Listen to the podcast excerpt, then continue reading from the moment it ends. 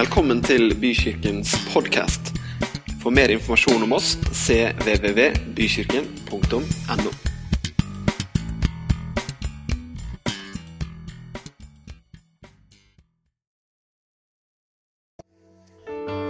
Takk, Jesus, for at vi får lov til å følge deg. Takk for at vi har et hjerteslag å følge. At vi ikke er aleine på denne jorda, at ikke vi må gå hele veien sjøl. Men at du kan gå foran oss, du kan lede oss, du kan styre oss inn i det livet vi er kalt til, inn i det livet vi er skapt for å leve. Tusen takk for det, Herre. Amen. Vær så god og sitt. Er det ikke fantastisk med Nina og Stian og, og herlighet, hva heter du da? Eh, Fredrik?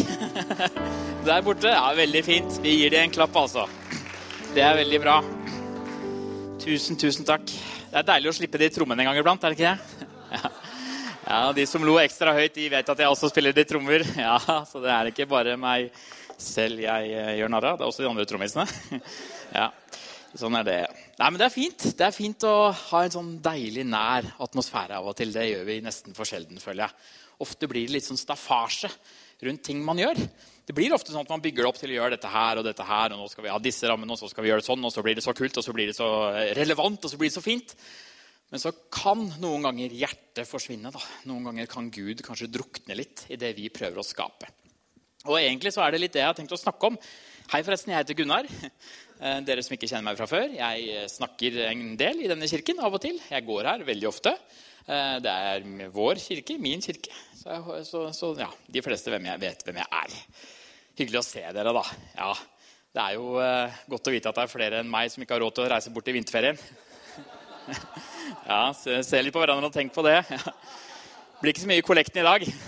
det er fattiglusa som sitter her. Ja, er det noen som er veldig stramme i maska nå? Nei, jeg er ikke fattig. Nei da. Du, eh, men det er jo sånn at vi vil jo helst være i Trysil, alle sammen.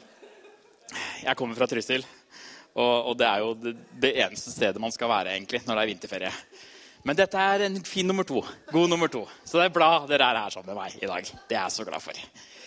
Eh, vi tar en liten bønn til før vi, før vi virkelig durer i gang.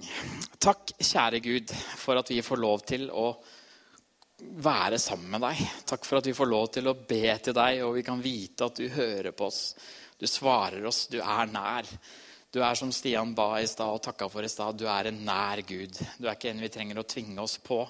Du er ikke lunefull. Vi trenger ikke lure på hvor du er i dag. Vi vet at du er nær oss hele tiden. Tusen takk for det, Jesus. Vær med oss også den stunda vi har nå sammen. Den får vi faktisk aldri tilbake. Så hjelp meg til å si noe fornuftig. Og så ber jeg om at det skal være prega av deg. At det som du virkelig ønsker å få fram til oss i dag, det skal vi klare å få ut i fellesskap. Hmm. Amen. Yes, dere, eh, Jeg har lagd en veldig kul overskrift eh, til det jeg skal snakke om i dag. Og den skal vi få opp på veggen nå. Kvitt deg der, ja. Der. Kvitt deg med religion er liksom overskrifta. Egentlig så hadde jeg litt lyst til å skrive 'kvitt deg med kristendommen'. Men det ble jeg nesten litt provosert av sjøl. Eh, så, så, da fant jeg ut at ok, vi kan kanskje ikke ta det så langt. Vi må roe det litt ned. Men, men det er liksom utgangspunktet. Religion religion. Altså. Det er jo noe vi alle omslutter oss med. Eh, I Oslo, da jeg bodde der, på Torshov, så var eh, meg og Kristin eh, vi var fast invitar kan vi si, på en kebabsjappe. Dette var før vi fikk barn, selvfølgelig, så vi kunne jo gå og vanke der så ofte vi ville. Men sånn ca. en gang i uka kanskje jeg overdriver litt, men cirka en gang i uka, da var vi hos Saeed. Og Saeed han var en fantastisk fin mann. Fra Pakistan. Og han, eh, ja, han, var veldig engasjert selvfølgelig i kebab. Det er en krig der ute, mann! For det er veldig mange som kjemper om kebabkundene. ikke sant? Så Det kommer hele tiden nye kebabsjapper opp, og man må liksom ja, virkelig stå litt i kampen. da. Det er en krig. Kjempe, Og så lager de så billig kebab de andre, men han var, var liksom ekte vare. Veldig fin mann. Og han, eh, han var fra Pakistan. Han, han, gjorde en litt sånn rar ting da, som vi fant ut eh, to år etter vi begynte å gå, hadde vært hos han. Vi hadde vært der nesten en gang i uka. Og så meg, foran meg i køen så kom det et annet par som dro fram sånne rabattkuponger. Det hadde de. og jeg liksom Hæ, vi har jo vært her. Så jeg sa til Saeed Saeed, vi er jo her hele tiden. Vi har ikke fått sånn rabattkupong. Nei, det, jeg har en her til deg, da. Så fikk jeg vite om det jeg også, da, at det var rabattmuligheter hos Said. Så det er fint. Det fikk vi vite til slutt. Det er bra. Vi var kompiser, Said og meg. Eh, og en gang så eh, var det ramadan. Eh, og han da, han var muslim og sto da oppe i dette kjøkkenet sitt hver eneste dag for å lage nydelige kebabs til de som da ikke trengte å forholde seg til faste. Og det, I mitt hode høres det ut som tortur da, å lage mat til noen som kan spise, mens du selv ikke kan spise. Så jeg spurte han, hvordan, hvordan gjør du det når det er ramadan. Uh, hvordan gjør du det? Nei, det går bra. Uh, min bror er syk. Er broren din? Nei. Jeg synes det var veldig merkelige greier. For han er jo fra Pakistan, og, og det er ikke så mange sikher i Pakistan. Og jeg skjønte ikke helt hvordan broren kunne være sikh og han være, være muslim. Men, men, hvordan går dette an? liksom? Nei, Han er syk, så det går fint. Han kan jobbe hele dagen. Det går bra, han er syk. Og så etter hvert så skjønte jeg at han var syk. Å ja, så du er muslim, men du er syk. Og når du er syk, så er du fritatt da, fra en del sånne ting. Så da kan du spise eh, og jobbe og alt det der. Eh, men dette er jo litt sånn nytt for en trysling. Eh, ikke veldig mange religioner i Trysil ikke masse ting å forholde seg til. Vi er liksom én en enhet i Trysil. Eh, så, så liksom Oslo var med å eksponere Oi, det fins flere ting der ute å tro på. Det fins mange andre ting å tro på. Og det er jo litt av greia med oss, da. At vi er en del av mange religioner. Faktisk så er det sånn at Fersk statistikk viser at 100% av oss mennesker har et livssyn. Tenk litt på det. Ja, For alle mennesker har et livssyn, uavhengig av om du tror på en gud, om du tror på flere guder, om du tror på deg selv, om du er agnostiker og ikke helt vet hva du tror på. Det er et livssyn som ligger i bånn for hvordan du funker som menneske. Og, eh, og, vi trenger det. Vi trenger et system. Vi trenger noen som kan gi oss en drøm om at noen har kontroll. For vi har jo ikke helt kontroll sjøl her vi kjører rundt på jorda. Ok, Gud, det må, det må, i hvert fall finnes en Gud som vet hva som skjer her oppe. Vi får satse på det. Det må være noen som kan gi litt styring her, for vi vet jo ikke hva vi holder på med. Det er sånn vi tenker som mennesker, og Derfor så søker vi ulike religioner, litt avhengig av hvor vi har vokst opp. for å være helt ærlig. Og så har du da agnostikerne, som har kommet fram som en gruppe nå, eh, som, som, har blitt større og større. Altså Nå er det 9,6% agnostikere i verden. Det er ganske mange. Eh, og jeg har tenkt litt dette her er ikke dette er ikke forskningsbasert, ok? Men, men, det som skjer med agnostikere, er at de ok, jeg vet ikke om det finnes en gud. Eh, derfor må jeg bygge livet mitt på det vi vet, det vi, det vi mennesker kan. Og det, vi, det, det, som er oss. Våre tankesett, vår filosofi. Vi, vi skaper en egen verdi. At mennesket i seg sjøl har verdi. Og det som skjer, eh, som man ser nå da, når du ser dokumentarer om jenter som sliter med å få livet til å strekke til. Det er så mange krav, det er så mye, mye styr. Det er at vi flytter fokuset over på oss sjøl, og så skal vi ordne ting. Og så har vi ikke en Gud som kan ordne opp for oss. Og da blir vi så innmari slitne, for det er så mye å mase med på denne jorda her. Masse krav til hvordan du skal være som mor eller far, eller som eh, ansatt eller som leder. Eh, hvordan du skal være overalt. Det, er, det blir for mye for oss. Vi bukker under. Det kan lage dokumentar på dokumentar på hvordan ungdommer i dag sliter med akkurat dette her. Jeg skal være vellykka på sosiale medier, jeg skal ha gode karakterer, jeg skal begynne å tjene masse penger eh, og ha den fineste kjæresten. Altså, alt det der det bare velter over generasjonen under meg. Og Midt oppi dette her så finner vi kristendommen, vår tro, det som representerer oss. Eh, og Det er litt interessant hvordan mennesker ser på vår tro. For når du kommer utenifra, så er jeg ganske sikker på at kristendommen er som en del av de andre tingene. Kristendom, buddhisme, hinduisme, islam. Så Det blir liksom noe man tar avstand til og tenker at det er en religion der man skal nærme seg Gud gjennom å utøve visse ting. da. Som, altså, du skal liksom leve på den måten, og da blir du godkjent for Gud. Det er veldig varmt her i dag. ikke? Det var veldig varmt når vi kom inn her. Jeg tør ikke ta av blazeren, for jeg tror jeg har sånne svære svetteringer under armene. Så vi får bare holde ut. Ta litt vann, da. Men ut, utenifra da, så opplever mennesker kristenlivet som, som, litt sånn fordømmende. ikke sant? Eh, jeg har en kamerat som reiste til Toronto i Canada. Han hadde lyst til å lage en dokumentar eh, på den byen som var ansett som den mest sekulariserte i, i, i Amerika. Så han dro til Toronto og, og, og ville da spørre folk hva slags forhold har du til Jesus. Hva tenker du når du hører Jesus? Og veldig mange var utrolig positive til Jesus. Ja, Han har vi jo hørt mye bra om. Han er en fin kar. Han representerte kjærlighet på jorda. ikke sant? Han var jo egentlig det Gud eh, Det er jo Gud representert gjennom han. Men så får de spørsmål om kirke. Og da Nei, sorry, det har jeg ikke helt trua på. Der blir jeg fordømt. Der er det ikke noe Det er jo veldig høyt under taket i mange kirker, men, men jeg føler meg ikke hjemme der. Det er ikke for meg. Det representerer ikke hvem jeg er. Det snakker ikke til meg. Jeg, ikke, jeg føler meg ikke hjemme i kirka. Det er helt irrelevant for meg. Og hvis vi skal være helt ærlige med oss sjøl, så er det veldig få utenom dette rommet her som vet hvordan det er å gå i bykirken. Veldig få i Tønsberg som vet hvordan det er å komme hit, hva vi gjør her, hva vi snakker om, hva slags musikk vi har, hvordan vi eh, kommuniserer det vi tror på. Veldig få som har snøring. Jeg tror de hadde blitt sjokkert av å komme inn her og liksom Oi, dette var jo faktisk ikke så gærent. Håper jeg, da. og foregriper jeg kanskje litt her, men Men, men, men, jeg tror folk vil føle at ok, dette er faktisk noe som er litt relevant for mitt liv. Det er kanskje noe her jeg kan ta litt tak i. Kanskje det fins en gud likevel eh, som ikke har blitt fremmed gjennom religion, men som er nær og hellig og evig og ekte og herlig. Å, han er så fin, han. Jesus han skulle stifte en helt ny trosretning da han kom ned på jorda. Eh, han var en del av jødedommen en del av en arv fra Gud. Eh, men likevel så skulle han gjøre noe helt flunka nytt. Han skulle revolusjonere måten mennesker kan koble seg til Gud på. Og en av de tingene som altså han, han, var i synagogene, det vet vi. Han gikk i lære der. Han var eh, sammen med Gud gjennom det og brukte jødedommen på den måten. Men så var det også noen ting som han virkelig ikke klarte i den religionen han kom inn i. Og Det som er mest tydelig gjennom skriftene, det er rett og slett hans møter med fariseerne. Altså, det var jo som et dårlig ekteskap. Det var på en måte Med en gang en eller annen av de sa et eller annet, så bare Åh! Det var liksom tente på alle plugger. føler jeg. Ormeyngel! Liksom. Altså, altså, Jesus blir skikkelig sint. Burde hatt et kommunikasjonskurs.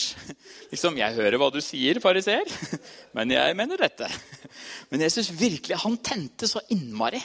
Og hva er det som gjør at han gjorde det? tenker jeg noen ganger. For han vet jo på en måte hva som kommer. Så Derfor så måtte jeg se litt ok, ok, hvor kom fariseerne fra.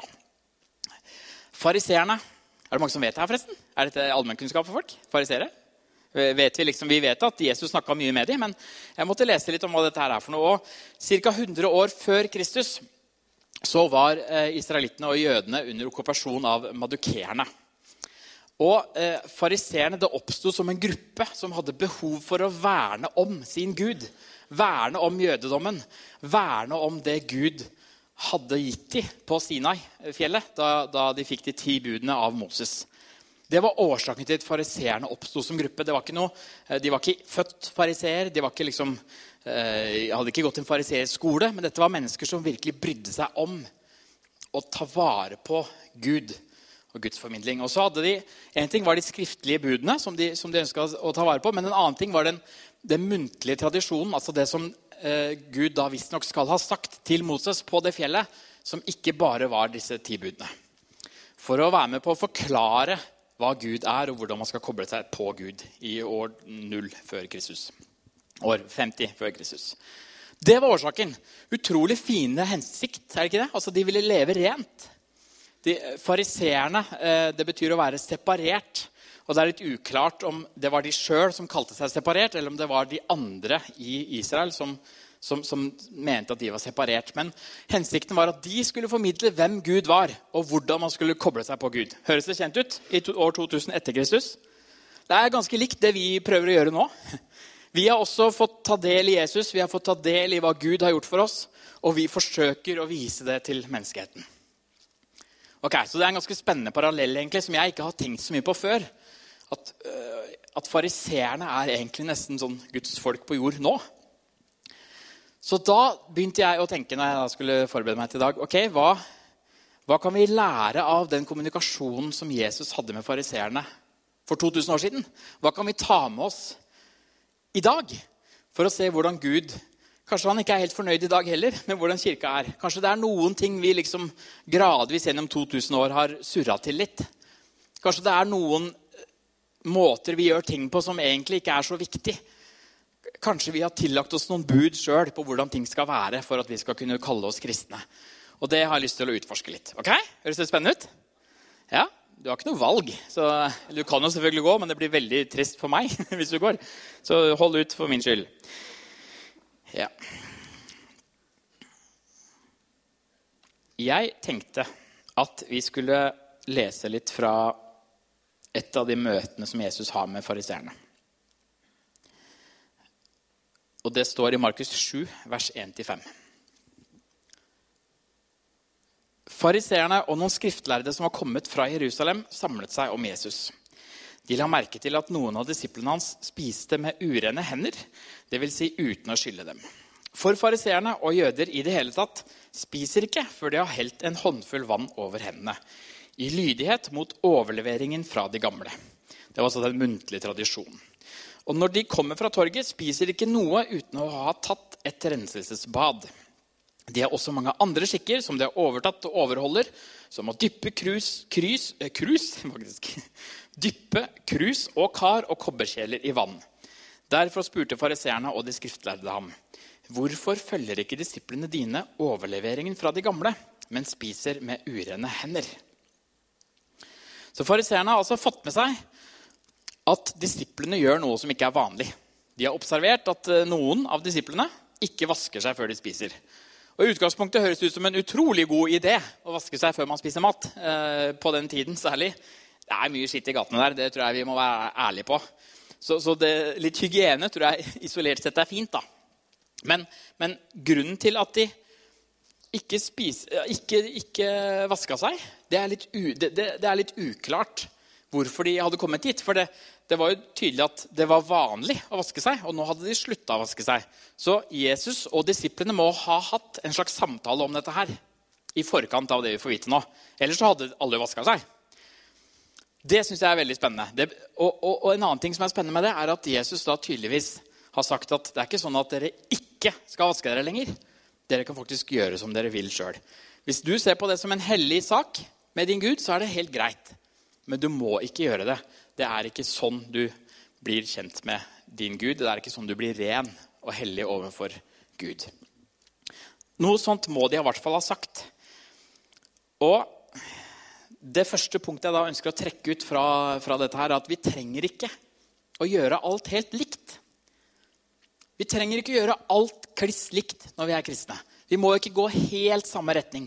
Vi må ikke like den samme musikken. Vi må ikke uh, like musikk i det hele tatt, selv om det er en veldig stor fordel når du går her, for det er mye musikk.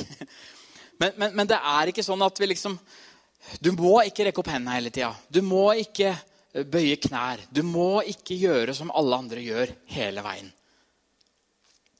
Fordi det viktigste er hva som skjer inne. og det skal vi få mer svar på etterpå, Men det viktigste er hva hjertet ditt er fylt av, og hva du lever for. Det ytre er ikke så himla viktig. Vi må glemme å tenke at det liksom er en sånn konform måte vi kristne skal være på. At det er liksom ett uttrykk som gjelder. I 2015 så er det ett uttrykk. I 2017 så har vi gjort om grann fordi vi syns det er viktig. Det er ikke det som er klyngen av budskapet til Gud og Jesus. Det er ikke der det ligger, i det ytre. Det ligger i det indre. Og Jesus han bryr seg ikke så fryktelig mye om hvordan ting ser ut. Jeg har uh, vært litt sånn syk i det siste. Uh, ikke syk, men syk. Og uh, da, da, må jeg gjøre et eller annet, for jeg kjeder meg. Så jeg begynte å se på en sånn serie på Netflix Eh, som heter Jessica Jones. Det er en veldig mørk serie. Jeg vet ikke om det Er flere som, er det flere som har tør å rekke opp hendene og si at de har sett den? Nei. Ja, det er Henrik. Å, godt. Da ble jeg litt sånn ungdommelig. Ja, Jeg snakker til ungdommen i dag. Jeg har sett på Jessica Jones for å holde meg oppdatert på ungdommen. Ja. Eh, men uh, Jessica Jones det er en helt sånn Marvel har dere sikkert hørt om. De har, de har laget masse av disse heltene. Og En av heltene er Jessica Jones, som er utrolig sterk. Men hennes uh, motstander han har en egenskap som gjør at han kan si ting til noen, og så gjør de det uten å tenke seg om. Altså, De må gjøre det. Hans ord er lov. Så hvis han sier 'hopp' til Frank, så hopper han. Og da må han hoppe helt til han, eh, til han dør eventuelt. da. Det er det som er litt mørkt med den serien. kan du si. Men poenget er at eh, i den, det han merker, denne, denne mannen som, som, har disse merken, eh, evnene, er at til slutt så kan ikke han føle noe ekte. Fordi det han tvinger på andre, det han vet ikke om de egentlig vil eller ikke. Så han savner etter hvert kjærlighet. For han har ingen som genuint elsker han. Alle gjør som han sier hele tiden. Og det er også noe av poenget med dette her, da, at den friheten Gud har skapt oss til, er så viktig for forholdet ditt til Gud. Du skal få lov til å være deg sjøl i forholdet med Gud. Du er deg. Du trenger ikke å leve etter noen andre standarder på første benkerad eller eh, i forhold til hvordan man uttrykker kjærligheten. Du skal få lov til å utvikle og uttrykke den kjærligheten helt på egen hånd. Gud står ikke og sier 'hopp, hopp, hopp'. hopp, hopp. Gud sier bare 'kom til meg', så er vi sammen. Og så får du lov til å være deg sjøl. Ikke bry deg om hvordan andre uttrykker ditt forhold til meg. Bare bry deg om hjertet ditt og meg. Litt senere i det kapitlet, fra vers 17, så eh, Jesus har svart litt sånn i, fellesskap, og så, og så går disse her sammen. Eh, og kommer tilbake for seg sjøl, disse disiplene. Og så, så, vil de ha litt mer forklaring fra, fra, Jesus. Vers 17. Da han var kommet innendørs, bort fra mengden, spurte disiplene han om lignelsen. Forstår ikke dere heller noe? sa han.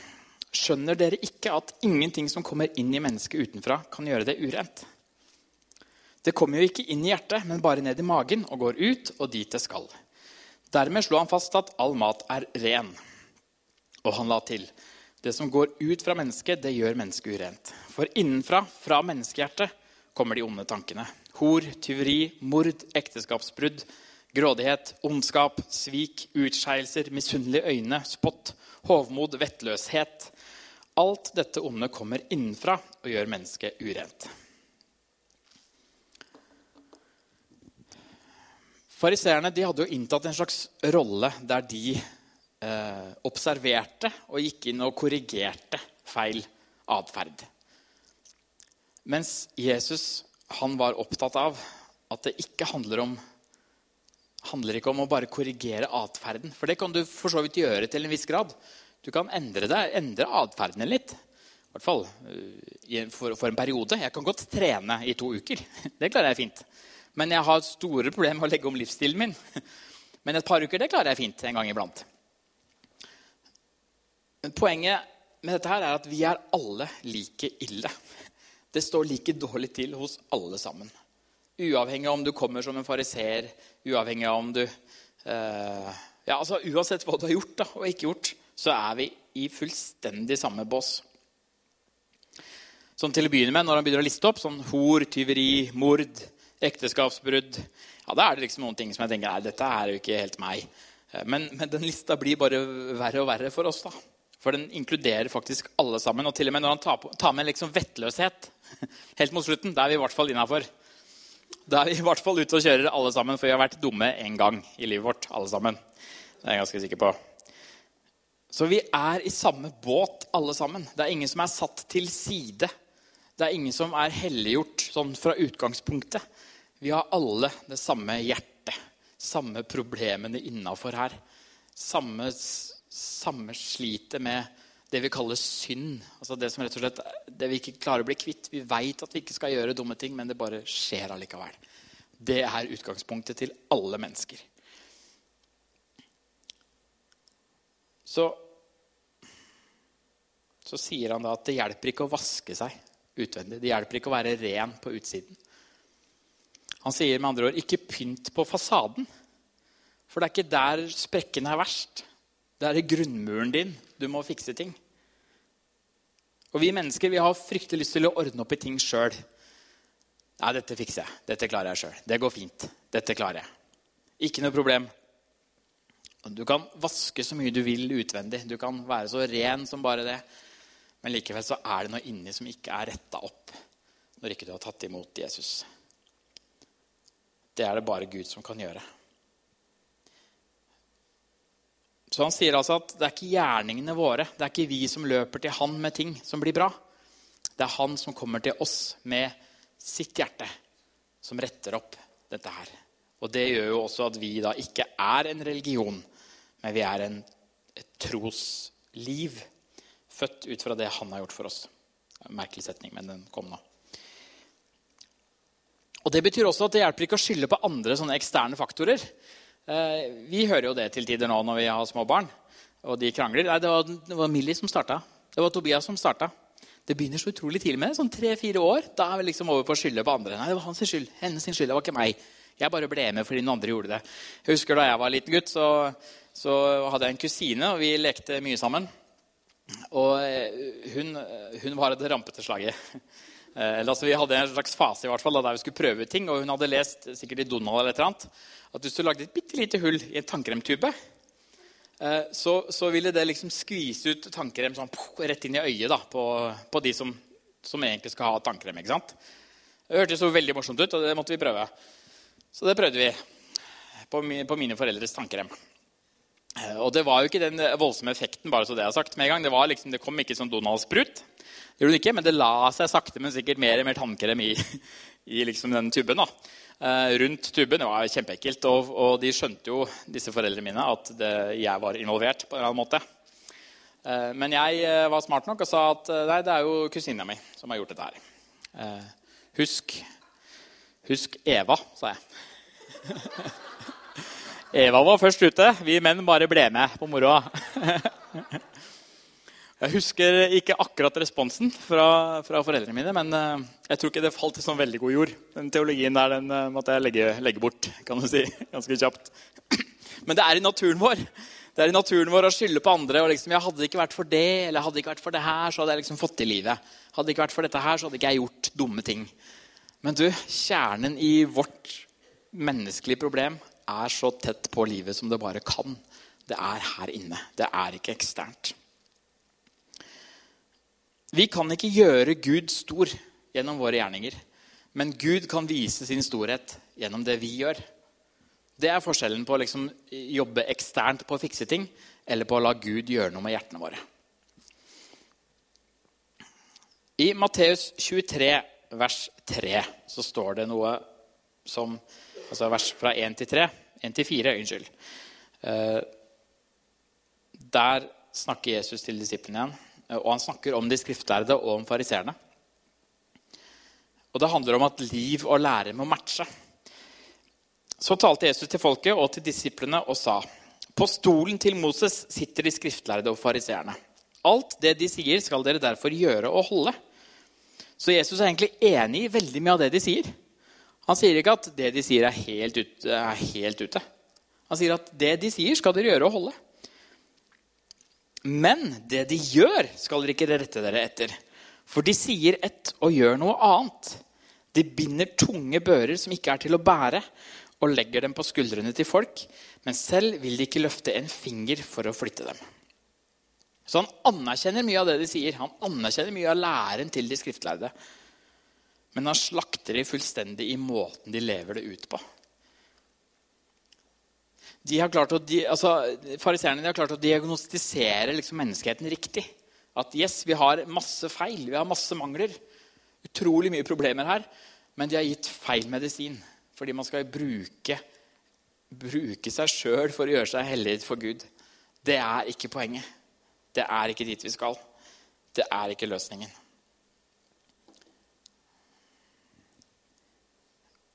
Og så sier Jesus i Matteus 9 Senere var Jesus gjest i huset. Det kom også mange tollere og syndere og var sammen med Jesus og disiplene hans til bords. Dette så fariseerne, og de sa til disiplene.: Hvorfor spiser mesteren deres sammen med tollere og syndere? Men Jesus hørte det og sa, Det er ikke de friske som trenger lege, men de syke. Så En annen ting vi kan lære av dialogen med fariseerne, er at man må være sammen med de som trenger det. Vi har jo snakka mye her i kirka vår om at vi ønsker at dette her skal være en som en familie. En utadvendt familie. En trygg familie der du kan føle deg hjemme, du kan være deg sjøl. Uavhengig av hvor du kommer fra, uavhengig av hva du tror på, uavhengig av hvordan livet ditt er stelt, så skal du kunne føle deg hjemme her. Og det er utrolig viktig. Kjempebra. Jeg er veldig enig i det bildet. Og Kirke er viktig, søndager er viktig, kirkeliv er utrolig viktig. Men i en familie, hvis du er sønn i et hus, og du liksom nærmer deg 29-30 år og fortsatt bor hjemme, da begynner det å skurre litt. Da begynner det å være et eller annet som ikke er helt riktig. Det er ikke familien riktig satt sammen. Fordi det er ikke meningen at du skal bo hjemme hele tiden lenger. Meningen er at du skal ut. Du skal faktisk være ute. Og dette ble fariseerne forskrekka over. At Jesus var sammen med andre mennesker som ikke hadde samme tro i det hele tatt, som levde et utsvevende liv, som ikke var på, på bølgelengde med det fariseerne sto for, og jødedommen sto for. Det reagerte de på.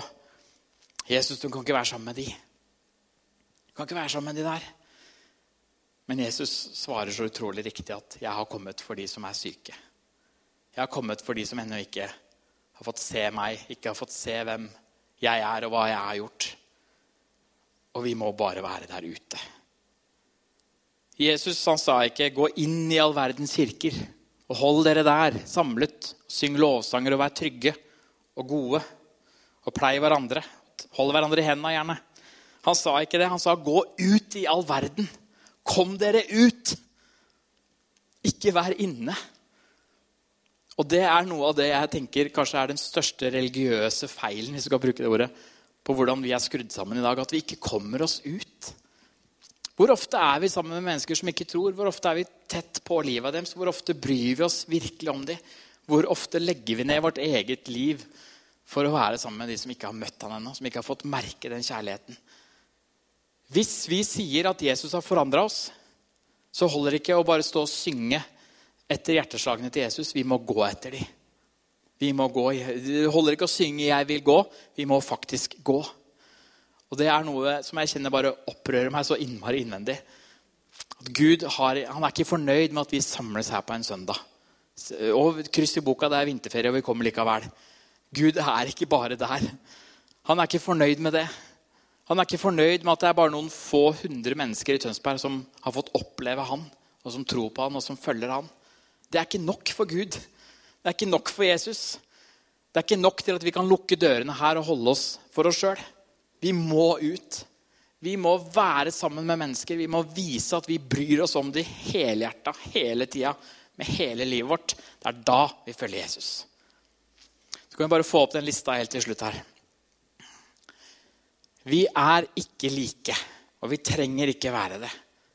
Det er ikke meningen at vi skal leve et helt likt strømlinjeforma liv. Der vi, liksom, vi, vi, kan bare trykke copy and paste på en fin kristen kar, og så bare kopierer vi han, og så er vi sånn alle sammen. Det er meningen at vi skal være forskjellige, for Gud er så stor at han rommer ikke nok hvis han bare skal være én uttrykksform eller én måte å være på. Vi trenger ikke å være like. Og Vi er alle like ille. Det fins ikke forskjell på oss om jeg står her på prekestolen eller om jeg sitter her. Jeg har trøbbel i livet mitt fortsatt. Tro det eller ei. Og sånn er det med deg også. Du også sliter fortsatt med ting. Du er ikke ferdig med ting. Hjertet ditt må alltid komme nærmere Gud. Det er bare han som kan fikse opp i de problemene vi har. Ikke bry deg om fasaden. Ikke prøv å gjøre deg helligere enn det du er. Ikke, prøv å, ikke, ikke lat som. Bare vær autentisk, vær ekte, vær ærlig på hvor du er i livet, og på hvor du tror Gud vil ha deg. Liv og lære det må henge sammen. Ikke lev som en hykler. Det var også en av de tingene som Jesus virkelig snakka om. da. Fariseerne var hyklere som sa noe, og så levde de på en helt annen måte. Og Når vi lever sånn, når vi sier noe og gjør noe annet, så oppleves vi ikke som ekte og ærlige. Da oppleves det ikke som om Gud faktisk har gjort noe i livet vårt. Snakk ærlig om livet ditt. Vær hos de som trenger det. Bruk tida di på de menneskene som ennå ikke tror. Som ikke har en Gud å komme til. Som sliter med at de ikke har nok venner på Facebook, eller som sliter med at de eh, har fått et sammenbrutt ekteskap. Som sliter i livet, og som ikke har en Gud å venne seg til. Hvor skulle du ha vært hvis ikke du hadde, hatt en Gud å gå til? Hvor hadde håpet ditt vært? Når du er på ditt laveste, ditt mørkeste. Hvor hadde du vært uten Gud? Det er så mange der ute som ikke har Gud i de tidene. Og de trenger så innmari sårt å få møte ham. Kan dere komme opp?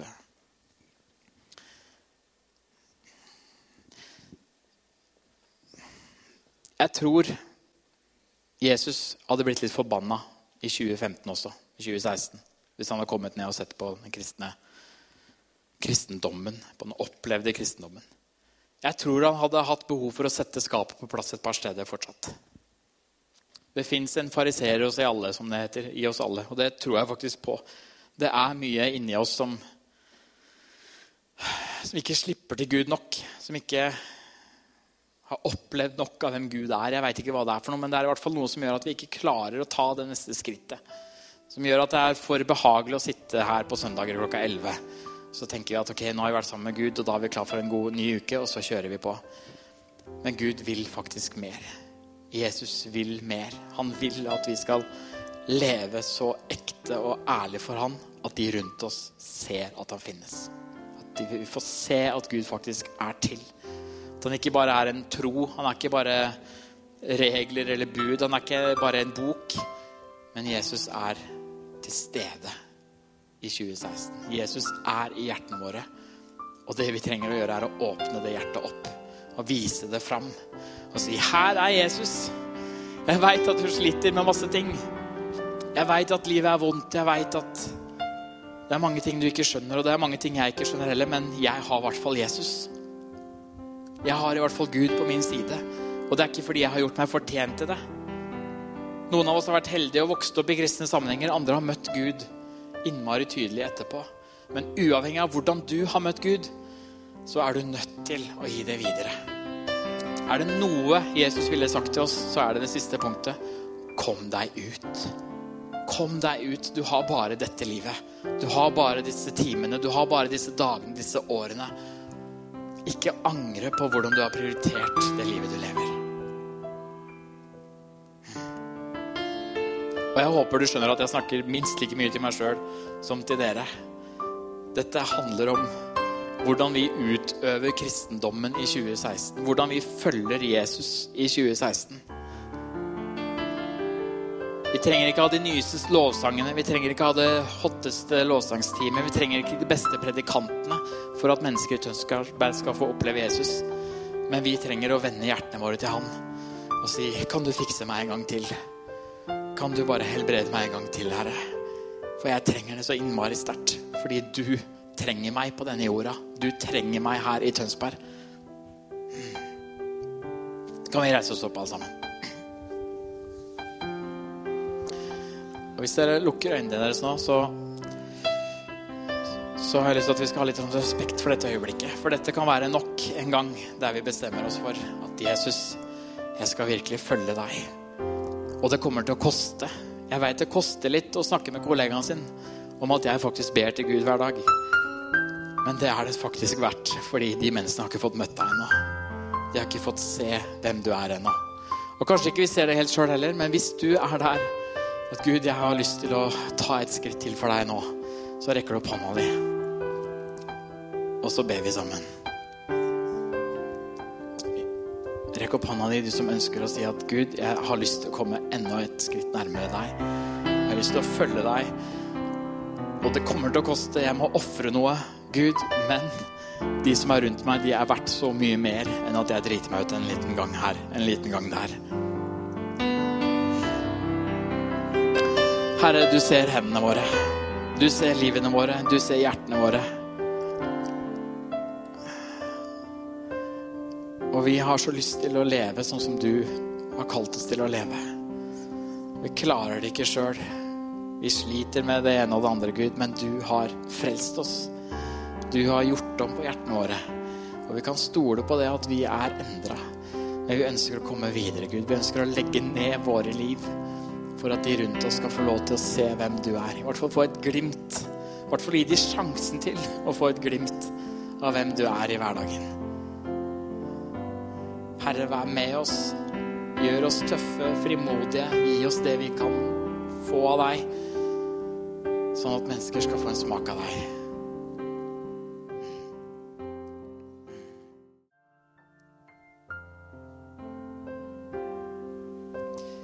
Jeg tror Gud prøver å si noe her i dag, og jeg tror det, kan handle litt om at man ikke veit hva som skjer før man faktisk går ut. Peter skulle gå på vannet, så visste han ikke hvordan det kom til å gå. Han bare gikk. Og så fikk han se at det faktisk gikk an å gå på vannet. Og sånn er det også med oss, med oss som tror på Jesus, og som har han i livene våre. Så, så er det noe med å faktisk bare gå. Igjen og igjen i Bibelen så ser vi at de som tar risiko, de som tar en sjanse, de som går et skritt uten å vite hva som skjer, de har Gud med seg. De bruker Gud. Og når vi lever sånn, så kan Gud gjøre store ting gjennom oss. Ikke pga. de tingene vi gjør, men fordi Jesus og Gud gjør store ting gjennom oss.